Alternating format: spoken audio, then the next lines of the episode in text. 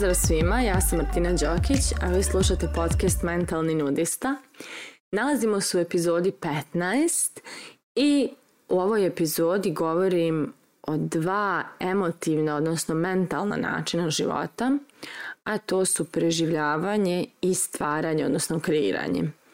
Odmah da napomenem, ne radi se o spoljašnjim uslovima života, ne radi se o tome da li imate sve, da li ste u dobrim okolnostima ili ste na rubu egzistencije, znači nije preživljavanje uslovljeno spoljašnjim uslovima.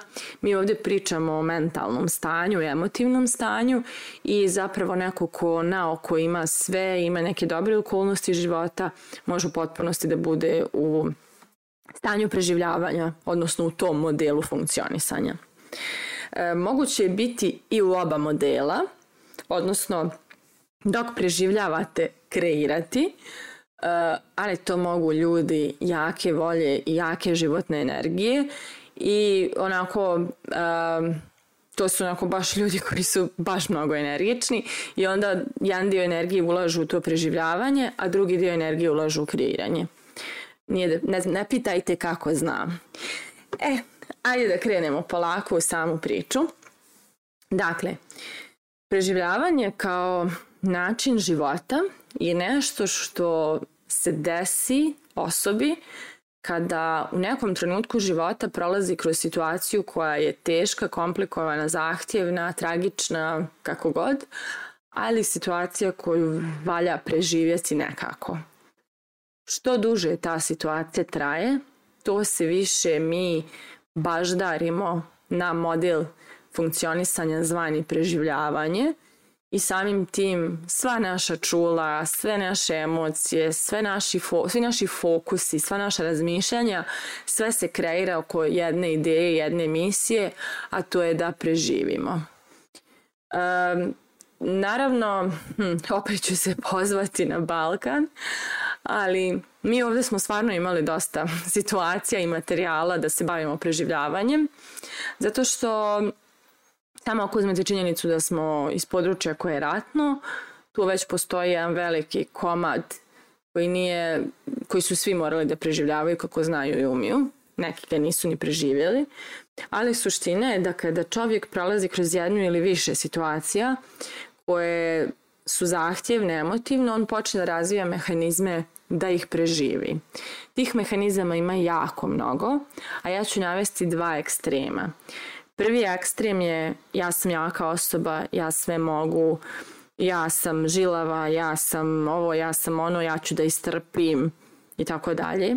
Znači, razvije se taj model kao jedna krajnost, a druga krajnost je ja ne mogu ništa, meni je sve preteško, ja nisam sposobna, ja sam slaba, život je pretežak itd. Tako da, to je drugi ekstrem. Tako da, uh, kad ljudi preživljavaju, jedan ekstrem je da odu u to da su prejaki i sve mogu, drugi ekstrem je da odu u to da su preslabi i ništa ne mogu, a između toga postoji gomila varijacija. I onda kada čovjek pre, prođe tu situaciju koja je zahtjevala preživljavanje, nije lako odjednom ugasiti sve te alarme i sva ta, sva te programe koji su se razvili u nama da bi nas iščupali, nego bi nekako s tim istim programima nastavimo da funkcionišemo i onda kada nema više potrebe da se nešto preživljava. Um, najbolji primjer toga je da kada ljudi, evo ja, jeli, sam rasla u ratnom području, moj otac je bio morao je jeli, da bude u ratu pet godina I um, znam recimo, čuli ste za PTSP, onaj postraumatski stres i slično. Uh, to je bukvalno situacija gdje ljudi koji su bili u ratu, uh, Oni su se nagledali koje kakvih jako surovih i teških situacija. Njihova čula su morala da paze na svaki šuš, svaki trzaj, sva, sve, sve, sve što se čuje vidi.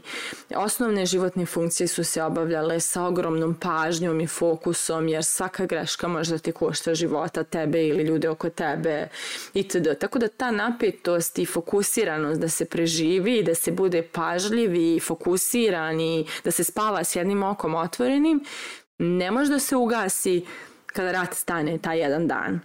Znači, ljudi kad se vrate sa to istog rata, oni u miru i dalje trzaju na svaku, svaki zvuk, spavaju s jednim otvorenim okom, eh, okreću se za svaki šu, šuš koji čuju. Znači, prosto ne mogu sada da odjednom iz tog ogromnog nepovjerenja i, i straha i grča pređu u opuštenost, vjeru, prepuštanje i živanje, i življenje i uživanje. Prosto ogroman je to ekstrem jedan, pa da bi se iz njega prešlo ekstrem drugi. E tako i mi u životu. Kada prođemo nešto što valja da se preživi, jako nam je teško opustiti se i naučiti na mir, na izobilje, na povjerenje, na vjeru, na svašta nešto drugo što zapravo čini nas resursnim osobama i zapravo jako je teško dozvoliti sebi da ugasimo sve te programe koji rade 24-7 da nas održe u životu, koji, koji da kažem rade na oprezu konstantno jer samo čekaju trenutak kada će taj mir nestati i svi ti programi moraju da budu na oprezu da nekako nas održe tu gdje smo da se to ne bi izgubilo. I um, preživljavanje je način života koji troši jako mnogo energije. Znači to je toliki potrošač energije da bukvalno ne ostaje energije za kreiranje. I zato se kaže ili preživljavate ili kreirate. Teško je živjeti oba.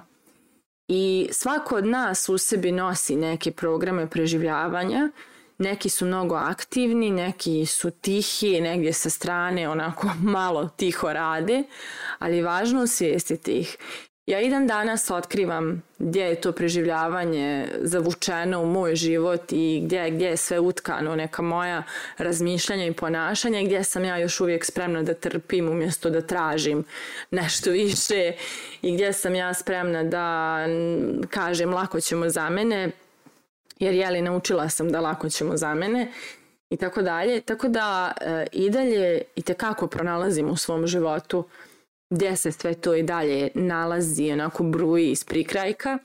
Izazovno je često otkriti sve te programe, neki su očigledni, ali neki su onako malo, da kažem, utkani u neke sitnije pore nas.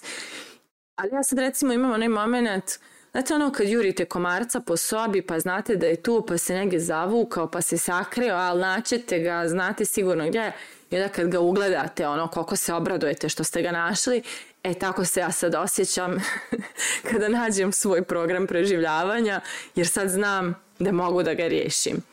E, ja prva znam koliko je teško bilo meni, koja sam rasla u Nimaštini, čak sam jedan period života živjela i u podrumu, e, koja sam imala onako, i da kažem i u porodici, otac mi nije bio tu, radio je teško, nekako uvijek je bilo neko krpljenje, neko sastavljanje, neko preživljavanje, e, meni je jako teško bilo da iz tog minusa dotjeram sebe na nulu.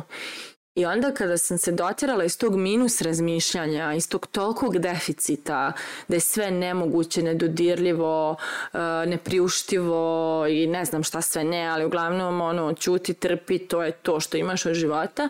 E kad sam iz tog minusa uspjela da se dotjeram na nulu, ja sam zapravo na toj nuli dugo i stajala, mislim čak do ove godine. I čak sam malo se pomjerala, malo u minus, malo u plus, ali ta nula je postala neko dobro stanje kog sam se dočepala i neka me tu. E tek negdje ove godine mogu da kažem da sam počela da vjerujem u izobilje, da osjećam izobilje i da idem u, ta, u tom pravcu da hoću, da znam da mogu i da znam da za mene postoji mnogo više u ovom životu. Ja jesam neko ko je veliki vizionar, sanjar, koji je ostvario mnogo svojih snova, ali dosta načina na koji sam ostvarila te snove su bili napravljeni tako da ja mogu da istrpim, da iznesem i svašta nešto jer sam naučila da, da ja mogu. Sve ja mogu da istrpim i iznesem. Uh, I sad sam počela, jeli, da, mislim, ne sad, već dugo ja čistim sve te programe i programčiće koji se tako oslanjaju na to u koliki minus ja, koliki minus ja mogu da istrpim emotivni. Sad sve mora bude plus, sve mora bude uživanje, naravno bit će malo i žrtve, ali uživanje, iz uživanja radim, iz uživanja radim, iz uživanja kreiram i tako dalje. A kada ste, kada smo kod kreiranja, kada se nalazite u programu kreiranja, vi ste tada u stanju izobilja. Znači nisu vam programi preživljavanja uključeni, ne troši se energija na opriz, na strah, na preispitivanje, na mozganje, na mjerenje 500 puta, na overtinkovanje, na sve i svašta, nego vaša energija je toliko puna da jedva čekate da je uložite u nešto. I život u kreiranju je zapravo fantastičan život kada, ja kada sam rešila jedan od detalja vezanih za moje preživljavanje, nastao je ovaj podcast. Jer se oslobodila ogromna količina moje energije koju sam ja sada uložila da iskreiram ovako nešto. I još je imam i mimo ovog podcasta i ulažem je već u kreiranje nekih stvari koje će tek da ugledaju svetlo dana. Tako da, kada smo u energiji kreiranja, uh, to je onaj moment kada smo mi ti koji možemo da pružimo i svijetu i ljudima i sebi i svima i gledamo život kao prijateljsku tvorevinu što je Einstein i govorio a ne kao neko mjesto gdje je pitanje trenutka kada će nešto da nas poklopi.